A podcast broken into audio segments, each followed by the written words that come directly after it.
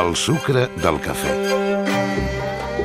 La crisi econòmica també posa en qüestió la idea d'una Europa unida i el dret a la lliure circulació de persones. La falta d'ocupació als països del sud ha acabat afectant els països del nord que podien oferir feina, encara que fos precària, però feina al capdavall. La pressió migratòria no només ve de l'Àfrica, també dels països mediterranis i de l'est d'Europa. El Regne Unit és un dels països receptors d'aquesta immigració procedent en gran part dels països del sud d'Europa. Amb un creixement de més del 40%, la població britànica rep cada any 260.000 immigrants, una quantitat excessiva, difícil d'absorbir pel mercat laboral i de sostenir pel seu sistema d'ajudes socials. El 40% a més hi arriben sense una oferta de feina. Aquesta realitat ha obligat el primer ministre, el conservador David Cameron, a prendre mesures excepcionals que podrien significar un canvi profund a la Unió Europea o fins i tot que el Regne Unit sortís del club comunitari.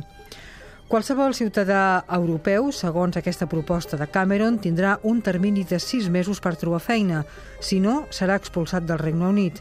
A més, per obtenir ajudes socials, com ara pisos protegits o desgravacions fiscals, els immigrants europeus hauran d'haver-hi residit durant quatre anys. La proposta de Cameron pot significar el principi de la fi del mercat únic en una Unió Europea amb unes diferències abismals en ocupació i oferta laboral i suposaria un perillós precedent per distingir entre ciutadans de primera, els britànics, amb tots els drets socials protegits, i els ciutadans de segona, els estrangers, que només hi podrien accedir al cap dels anys. La pregunta és si es pot permetre que Europa, també entre els seus ciutadans, n'hi hagi de primera classe i de segona. Thank you.